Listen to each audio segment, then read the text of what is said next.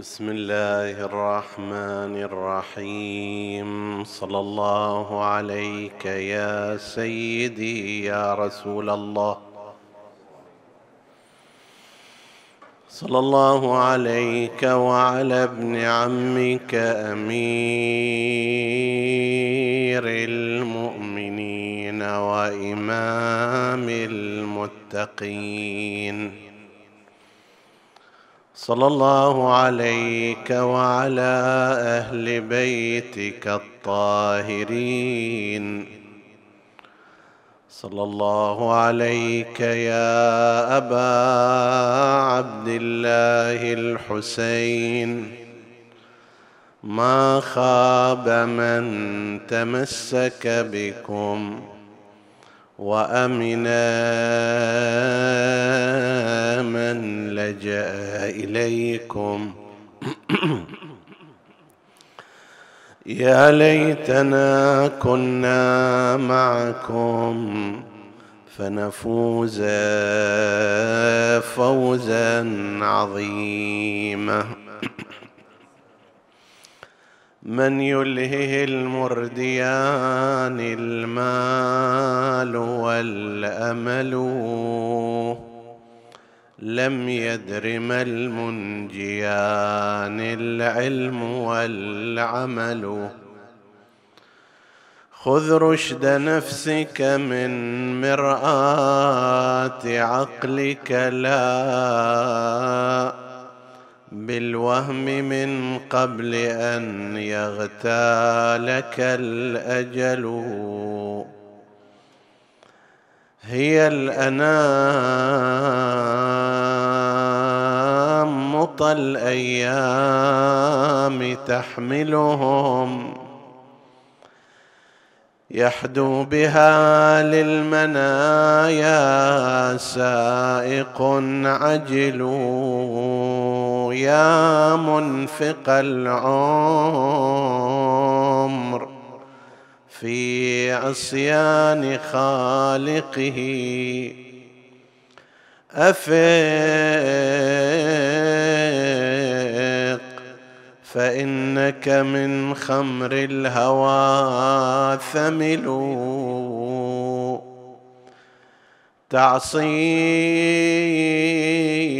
لا أنت في عصيانه وجل من العذاب ولا من منه خجل. أنفاس عمرك أثمان الجنان فلا تشري بها لهبا في الحشر يشتعل ألا ترى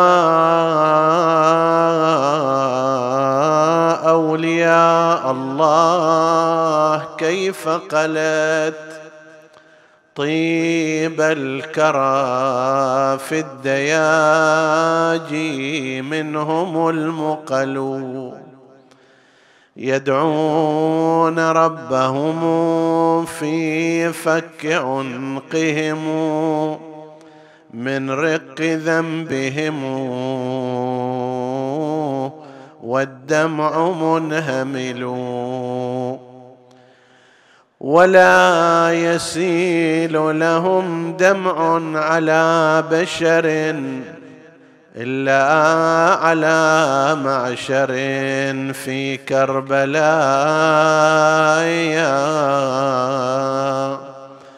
يا قتلوا قوم برغم العلا فوق الثرى نزلوا. وقد أعد لهم في الجنة.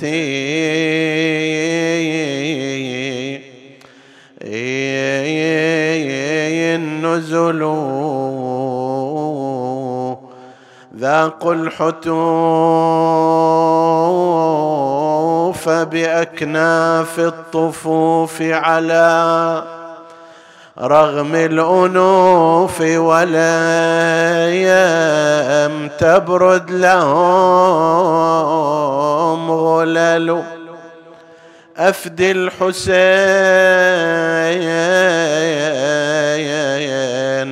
صريعا لا ضريح له إلا صرير نصول. فيه تنتصل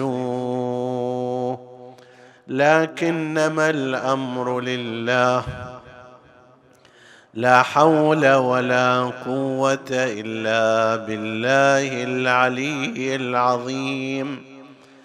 إنا لله وإنا إليه راجعون.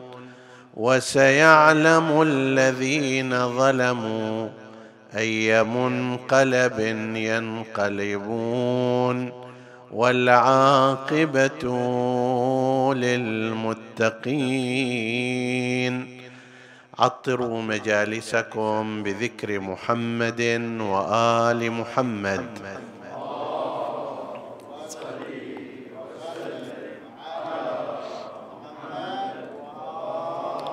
اللهم صل على محمد.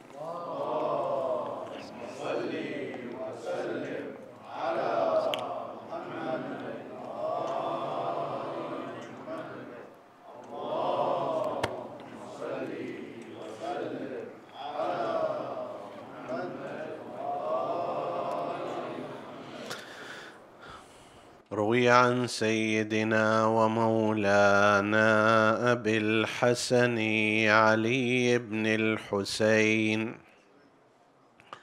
زين العابدين سلام الله عليه.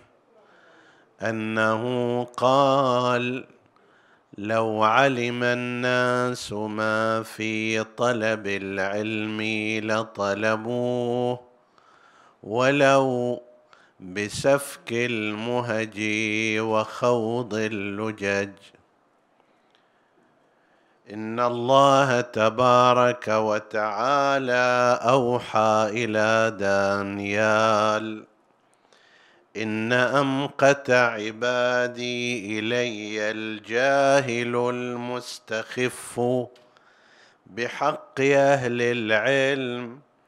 التارك للاقتداء بهم وإن أحب عبادي إلي التقي الطالب لثواب الجزيل. اللازم للعلماء التابع للحلماء القابل عن الحكماء. صدق سيدنا ومولانا زين العابدين سلام الله عليه. نبدأ مجلسنا بذكر قراءة الفاتحة على روح المرجع السعيد والعالم الكبير آية الله العظمى السيد محمد سعيد الحكيم. طاب ثراه نقرأ له سورة الفاتحة. بسم الله الرحمن الرحيم. الحمد لله رب العالمين. الرحمن الرحيم. مالك. إياك نعبد وإياك نستعين. اهدنا الصراط المستقيم. صراط الذين أنعمت عليهم غير المغضوب عليهم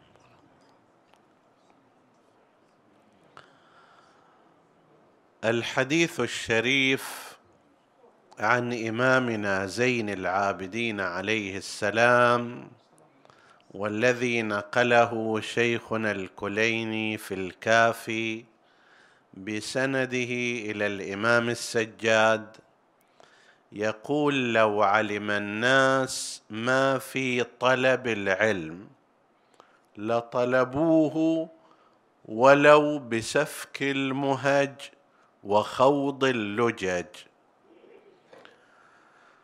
سفك المهج وخوض اللجج تعبير عن الأثمان الكثيرة التي يستحق العلم بذلها من أجل الحصول عليه. يعني حتى لو وصل الإنسان إلى درجة القاتل يستحق الأمر. لو وصل الإنسان إلى أن يخوض لجج البحار وكان عند العرب خوض البحر من الأمور الصعبة جدا فيستحق الأمر ذلك. فهو تعبير كنائي عن أن كل جهد يبذل في طلب العلم فهو في محله. ويستحقه ذلك. لماذا؟ يقول لو علم الناس ما في طلب العلم. ما هو الشيء الذي في طلب العلم؟ من الواضح اولا أن طلب العلم المقصود منه طلب العلم الديني المرتبط بالآخرة وبالشريعة. العلم الدنيوي فيه فضل لكن هذه الروايات هذا النمط من الروايات ناظر إلى طلب العلم الديني الذي ينجي الإنسان في حياته من الانحراف والذي يكسبه الجنة في يوم القيامة. ذاك العلم الآخر له فضله لكن نقول هذه الأحاديث هذا النمط من الأحاديث ناظر إلى هذه العلوم. ما في طلب العلم؟ شنو في طلب العلم؟ أول ما في طلب العلم الثواب الأخروي من الله عز وجل والذي وضع لطالب علوم العلوم الإلهية مثل ما ورد عن سيدنا النبي محمد.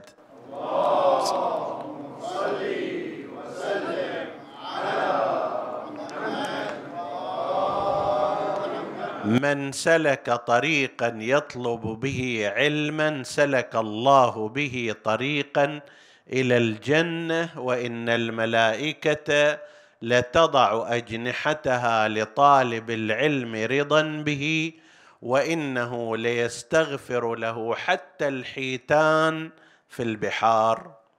رضا بما يصنع.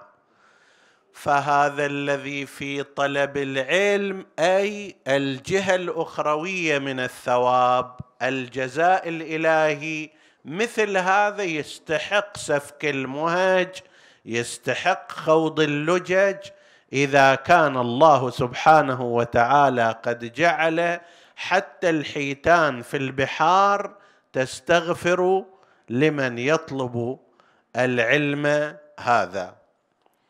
وأما ما في طلب العلم في الدنيا فأنت ترى أن طالب العلم عندما يطلبه لله وفي الله ولغرض أن يرشد عباد الله سبحانه وتعالى يعطيه الله سبحانه وتعالى في هذه الدنيا مثل ما رأيناه في هذا العالم الجليل الذي توفي في اليوم الماضي والذي شيع ودفن هذا اليوم. من العزة والمكانة والسمعة والاستغفار والترحم عليه يندر بلد من بلاد شيعة أهل البيت. هذه الليلة لا يذكر فيها السيد الحكيم رضوان الله تعالى عليه بالرحمة والمغفرة وكثير من المساجد يصلون صلاة الهدية. هذا دع عنك الختمات والقرآن و والى غير ذلك. هذا مما يعطيه الله عز وجل لمثل هذا العالم في هذه الدنيا فضلا عن الآخرة. فاذا الله سبحانه وتعالى يعطي هذا العطاء. فلو علم الناس ما في طلب العلم لطلبوه ولو ببذل المهج وسفك ولو بسفك المهج وبذ وخوض اللجج. ثم يقول بعد ذلك مو كل الناس يستطيعون أن يصبحوا علماء بل غير مطلوب أساسا فلولا نفر من كل فرقة منهم طائفة ليتفقهوا في الدين. فاذا هل أن الباقي باقي الناس لا أجر لهم؟ لا. هناك ينقسمون إلى قسمين. كما ورد في تتمة حديث الإمام زين العابدين عليه السلام عندما قال إن أمقت عبادي إلي الجاهل المستخف بحق أهل العلم هو غير عالم ويستخف أيضا بالعلماء فلا يتبعهم ولا يأخذ عنهم لا هو عنده هدى خاص وعلم ومعرفة من نفسه حتى يهتدي بها ولا يتبع الهادي العالم فيبقى على جهله يقول الحديث هذا أمقت عباد الله أكثر عباد الله مقتا إليه. التارك للاقتداء بهم هذا قسم وأكيد ماكو أحد بحمد الله في مثل هذا المجلس وأمثاله من هؤلاء. والقسم الثاني وإن أحب عبيدي إلي التقي الطالب للثواب اللازم للعلماء التابع للحلماء للحكماء للحلماء القابل عن الحكماء. هذا الإنسان ما دام يعرف لا أقل في بعض القضايا ليس له خبرة ليس له معرفة بكل شيء فهو متبع أمين للعلماء. يقبل عنهم يقبل عن الحكماء يلازم العلماء. هذا أحب عبيد الله تعالى إليه. هذا الحديث كان مقدمة للكلام عن هذا المرجع العظيم السيد الحكيم رضوان الله تعالى عليه وقد علمنا أننا لا نستطيع أن نحيط بصفاته وبسيرة حياته. تسعة وثمانون سنة عمر رضوان الله تعالى عليه وكلها نشاط وعمل وعلم وجهاد وتبليغ من أين تبدأ وإلى أين تنتهي. لكن نعنون بعض العناوين السريعة. هذا العالم الجليل هو سبط مرجع الطائفة وزعيمها الأكبر السيد محسن الطباطبائي الحكيم. هو ابن بنته وسبطه بالتالي. هذه الأسرة من مئة سنة تقريبا بل تحقيقا وهي في طريق رفد الطائفة بالعلم والعلماء والفقهاء بل والمراجع. يعني من سنة ألف وثلاثمائة وأربعين هجرية مرجع الزمان مرجع زمانه السيد الحكيم السيد محسن في ذاك التاريخ بدأ بتدريس البحوث العالية في الفقه والأصول من سنة 1340 إلى الآن اللي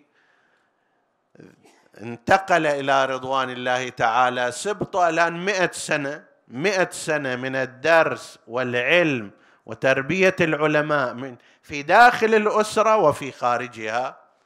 فهي أسرة ولادة للعلماء ولادة للعلم.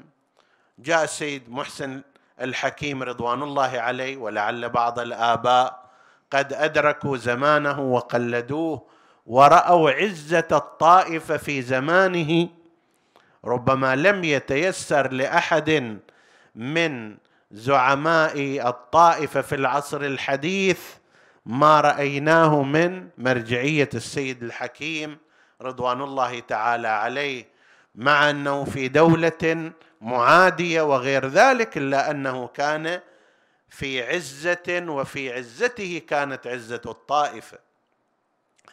لما انتقل إلى رضوان الله جاء ابنه السيد يوسف الحكيم رحمه الله وهو أيضا كان فقيها من الطراز الأول ورجع إليه في التقليد ولكن بساحة محدودة ولم يمتد به العمر طويلا. وأما من سائر العلماء فحدث ولا حرج سيد محمد تقي الحكيم رضوان الله تعالى عليه اللي كان رجلا فقيها واصوليا من الدرجة الأولى وكان من أهم مدرسي كلية الفقه في الدراسات العالية وإلى الآن كتبه لا تزال تعتبر مناهج متينة ورزينة جدا تعتمدها الجامعات إما في أصل التدريس وإما في اعتمادها كمصادر. وأخيرا السيد محمد سعيد الحكيم أخيرا إلى الآن وإلا في هذه الأسرة أيضا كان المرحوم السيد عبد الصاحب الحكيم كان يتوقع له المرجعية لولا أنه قتل على يد أزلام النظام السابق. وهذه الأسرة غير غير العلم فيها. كانت أسرة الشهادة قريب من سبعين واحد شهيد فيها خلال هذه المدة. ولكن انطبق عليها إنا أعطيناك الكوثر. فصل لربك وانحر كلما ضايقها الظالمون أنتجت أكثر فأكثر. هو نفسه السيد محمد سعيد الحكيم رضوان الله تعالى عليه كان من الناجين بفضل الله تعالى من سجن أيام الطاغية صدام استمر لمدة ثمان سنوات وقد أوذي أذى كثيرا جدا خلف آثاره إلى آخر حياته. يعني هذه رجلة أصبحت لا تطاوعه على المشي وظهره. دائما مقوس وهذا كما ينقل أهله وعائلته كان من أثر التعذيب حيث كان أولئك الجلاوزة يتسابقون في أنه أنا راح أخليه يقول أخ ويتوسل ويبكي. فيجي ويضرب بكل ما يستطيع يعذب بالكهرباء بالضرب بغير ذلك. طيب والسيد أقصى ما كان يقول يا الله يا الله. طيب فيخلص من هذا وقد عجز يجي واحد آخر يقول أنت ما تعرف إلى أنا أعرف إلى ويبدأ مشوار آخر. وهكذا. فانتهى به الحال إلى أن بدنه الضعيف صار بهذه الطريقة لعل بعضكم زاره رأى كيف يمشي وهو كأنه ينزل إلى الأرض وظهره مقوس عموده الفقري تأثر والغريب أنه في ذلك السجن مع تلك الأوضاع كان لا يترك الدرس في كل يوم. معه مجموعة كبيرة كان من أبناء الأسرة عدد كبير من أسرة آل الحكيم سجنوا معه. ثم ضم إليهم بعض الشباب المجاهدين هناك أيضا فكان يحتضن هؤلاء الشباب ويوصيهم وينصحهم ويقوي عزائمهم. وبالنسبة إلى أهل العلم من أسرته ومن غيرهم كان يعقد الدرس بشكل يومي حتى أنه ذكر في سيرته أنه كتب كتابا في مهمات مسائل الأصول ومواضيع الأصول في داخل السجن بالطرق المتوفرة. عندهم لا قلم أكو لا ورقة أكو الرقابة كانوا يكتبون على أوراق السجائر وعلى بعض الأوراق مال اللي يأتون بها الشكل مال كرتون وما شابه ذلك. فيما بعد نقل أنه أخبر أهل السجن أنه راح تصير حملة تفتيش فأتلفوا كل هذه الأشياء ومن جملتها مثل هذه الأوراق. مثل هذا العالم فعلا لو علم الناس ما في طلب العلم. لطلبوه ولو بسفك المهج وخوض اللجج ومثله تستغفر له حتى الحيتان في البحار. هذا هو وأسرته. لما تجي إلى إنتاجه العلمي وتدريسه منذ خمسة وخمسين سنة خمسة وخمسون سنة هو يدرس فيها البحوث التخصصية العالية. إن شاء الله إحنا في أثناء حديثنا عن الحوزات نشرح المصطلحات هذه ونعرف بالحوزة وبرنامجها في كل مكان إن شاء الله. البحوث التخصصية والتي تسمى ببحوث الخارج هي أعلى مستوى يبلغ إليه الإنسان الحوزوي بحيث إذا درس مدة من الزمان يتعود على طرق الاستدلال ويسير في طريق الاجتهاد فإذا وفق الله يصبح واحدا من المجتهدين الفقهاء. خمسة وخمسين سنة السيد محمد سعيد الحكيم رحمه الله يدرس بحوث الخارج بشكل دائم ولا يعطل ما استطاع إلى ذلك سبيلا. نتج عن ذلك عدد من الكتب منها مصباح المنهاج في عدد كبير من المجلدات. عندنا منهاج الصالحين وهي وهو الرسالة العملية التي ألفها جده السيد محمد السيد محسن الحكيم. منهاج الصالحين. الأصل ماله اللي ألفه هو السيد الحكيم. ثم بعد السيد الحكيم جاء العلماء وحشوا عليه. الإمام الخوئي رضوان الله عليه كتب حاشية عليه ثم أدمجت بقية المراجع أيضا نفس الشيء. اعتمد كنص فقهي أي واحد من العلماء يريد أن يقدم رسالة عملية الغالب أنه كان يعتمد على منهاج الصالحين. البعض كان يعتمد على كتاب وسيلة النجاة ولا أو على كتاب السيد البروجردي رحمة الله عليه ولكن الأكثر كانوا يعتمدون نص السيد الحكيم وهو منهاج الصالحين. السيد محمد سعيد جاء وأخذ كتاب جده و تحت كل مسألة من المسائل يورد الأدلة على هذه المسألة. إن وافق فيها جدة وهو صاحب نظر وآراء مبتكرة يعني تتلمذ على أعلام كبار ولكن لم يقف عندهم. تتلمذ على المرحوم الإمام الخوئي على الله مقامه على جده السيد محسن الحكيم على أستاذه الأكبر الشيخ حسين الحلي واحد من الآيات العظام الكبار كان جديرا بالمرجعية ولكنه طوى عنها كشحا وبقي يدرس العلماء والفقهاء إلى آخر حياته. جاءوا إليه للمرجعية فأعرض عنهم. طيب السيد سعيد الحكيم أخذ هذا الكتاب وأخذ يستدل عليه وسماه بمصباح المنهاج لطلاب العلم ولأهل المعرفة وطالبي الاستدلال الفقهي. هذا كتاب نافع ومفيد جدا. عند عدة كتب في الأصول منها المحكم في أصول الفقه ومنها الكافي وبالإضافة إلى هذه الكتب التخصصية كان لديه شيء آخر ربما لا يتوفر لغيره إلا القليل وهو الكتابات للطبقة المتوسطة والمثقفة.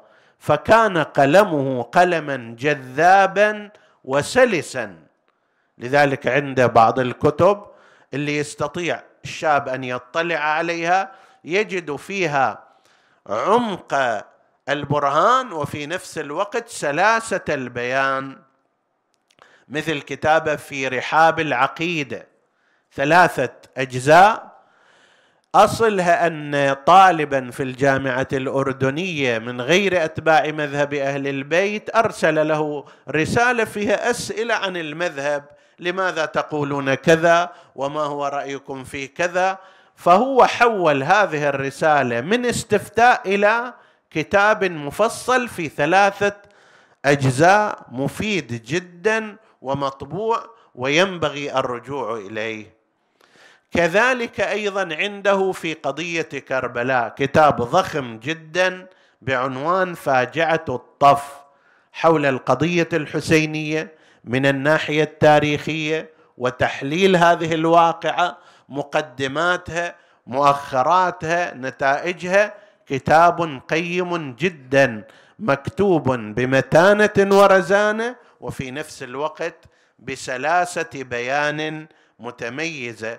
وعند كتب أخرى مثل الأصولية والأخبارية فرقة واحدة وهو مبحث لعله قليل طرق من قبل العلماء. وهو جاء وكتبه في كتاب فصل فيه هذه الفكرة فحل بذلك بعض النزاعات لا سيما في بلاد البحرين اللي كانت الأمور يعني تسير باتجاه غير حسن.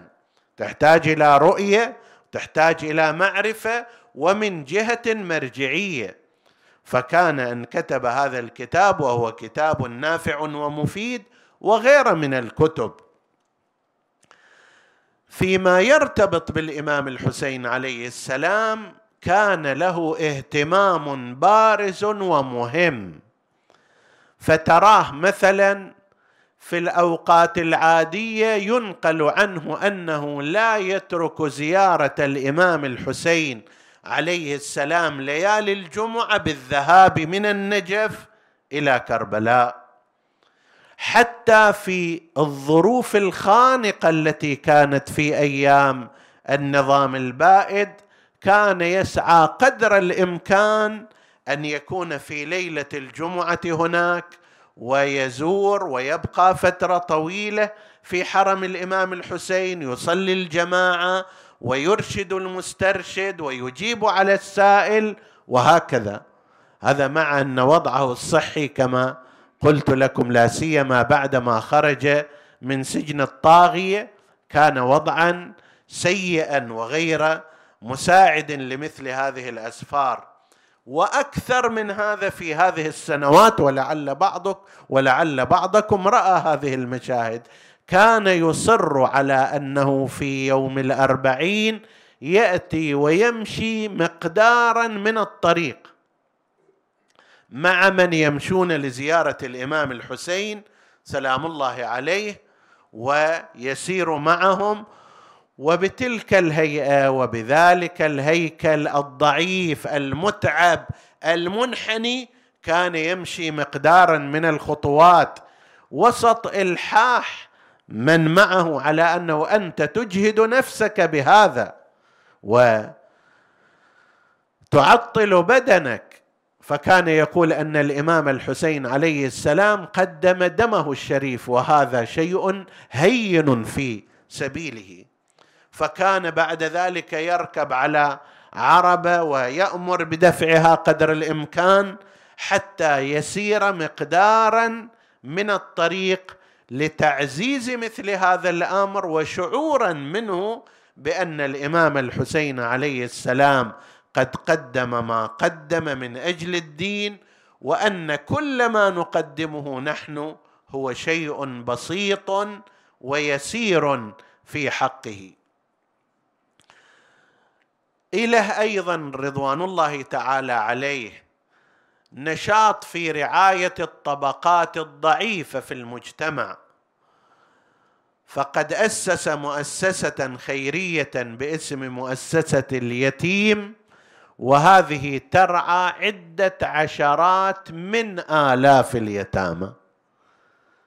تذكر أرقام بعشرات الآلاف في العراق عن أن هؤلاء اليتامى الذين أعدم مثلا آباؤهم قتلوا في الحروب غير ذلك جرى عليهم مصائب الدهر وبق وبقي هؤلاء بلا عائل وبلا ضامن وبلا نصير.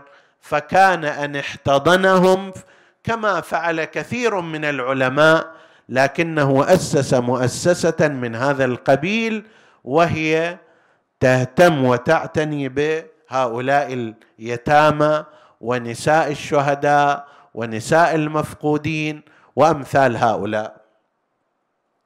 ينقل أحد طلاب العلم شيئا فوق هذا من مواساته الشخصية.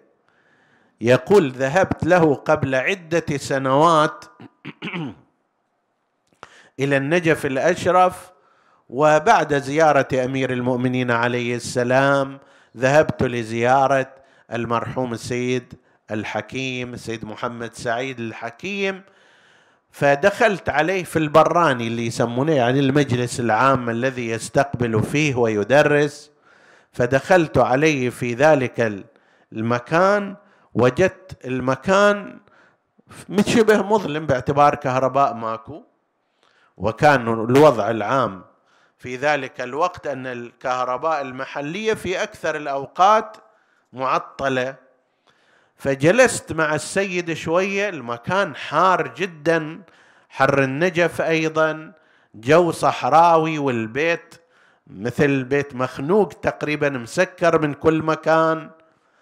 فلما جلسنا جاءوا بمروحة هكذا صغيرة اللي تشتغل بالبطاريات وتهف علينا هي بالكاد يلا توصل إلى الواحد حسب التعبير.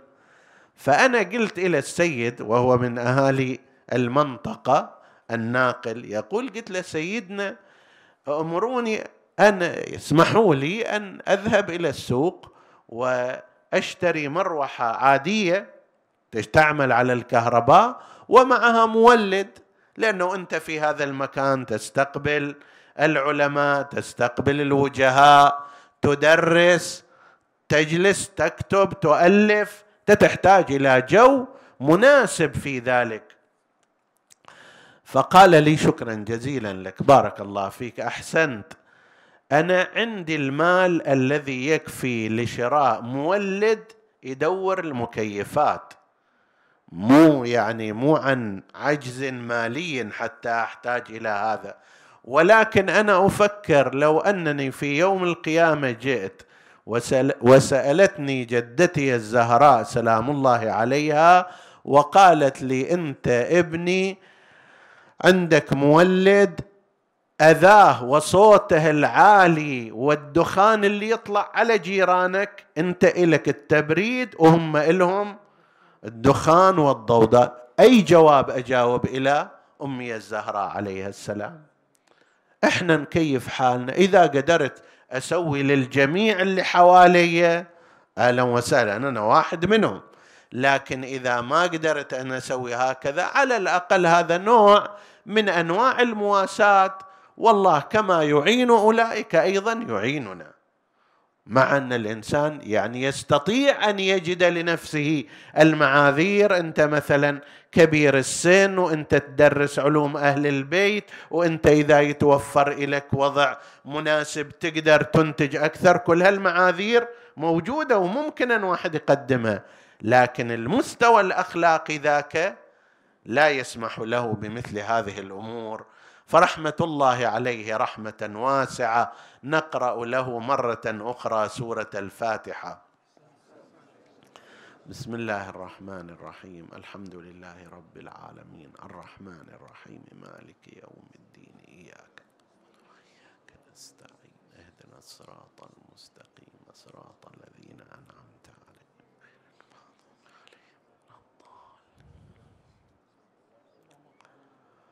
رحل السيد الحكيم رضوان الله عليه إلى لقاء ربه كما يذهب غيره وكما أيضا نحن نذهب.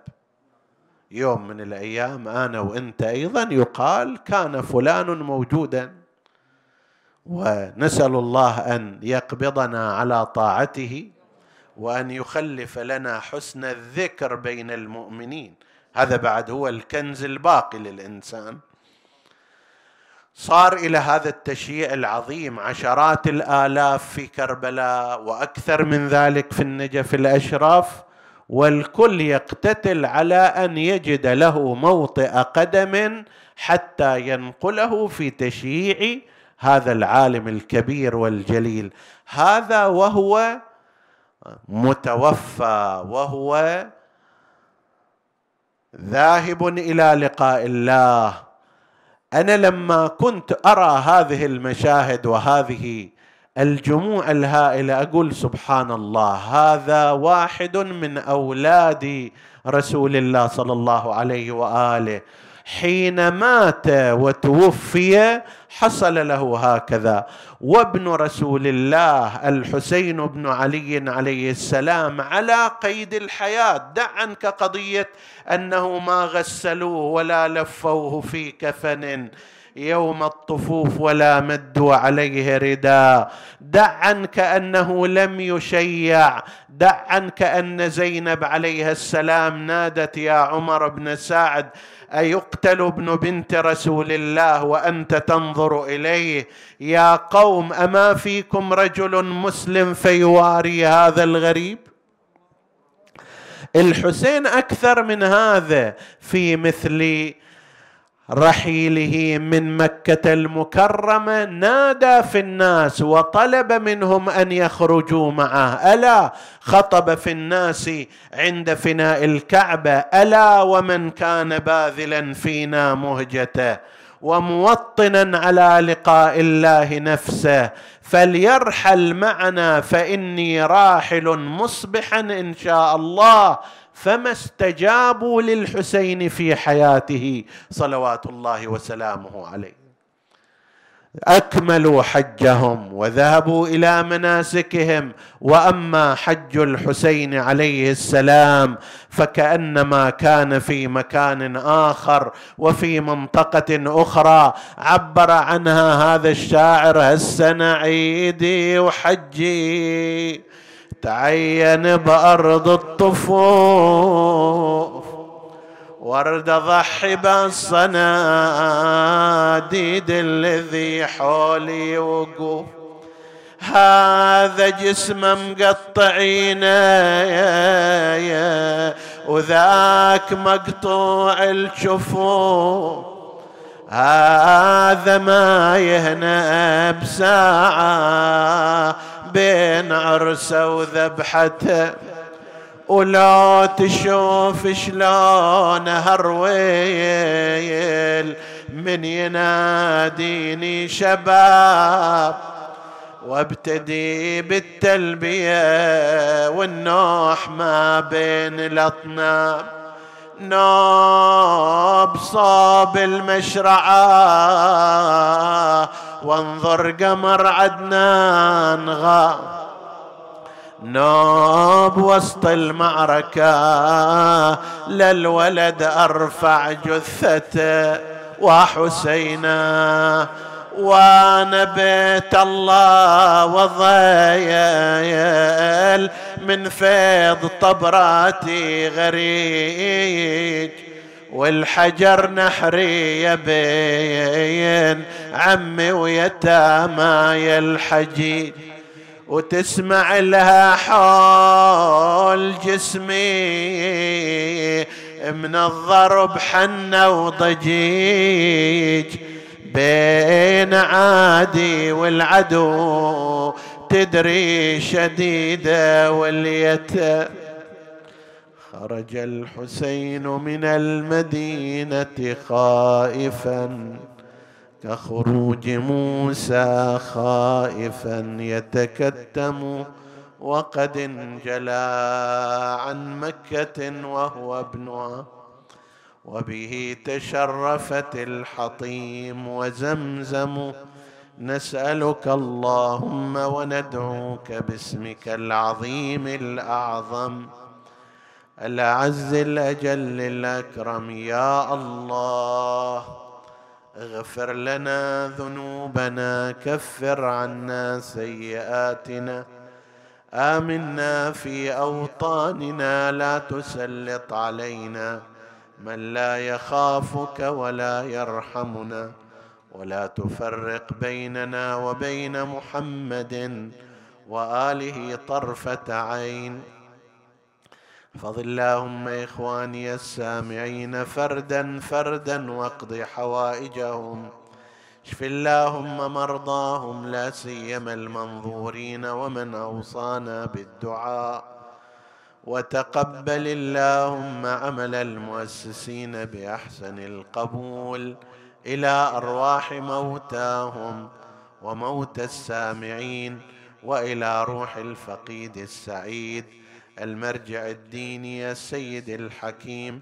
نهدي ثواب الفاتحة تسبقها الصلوات.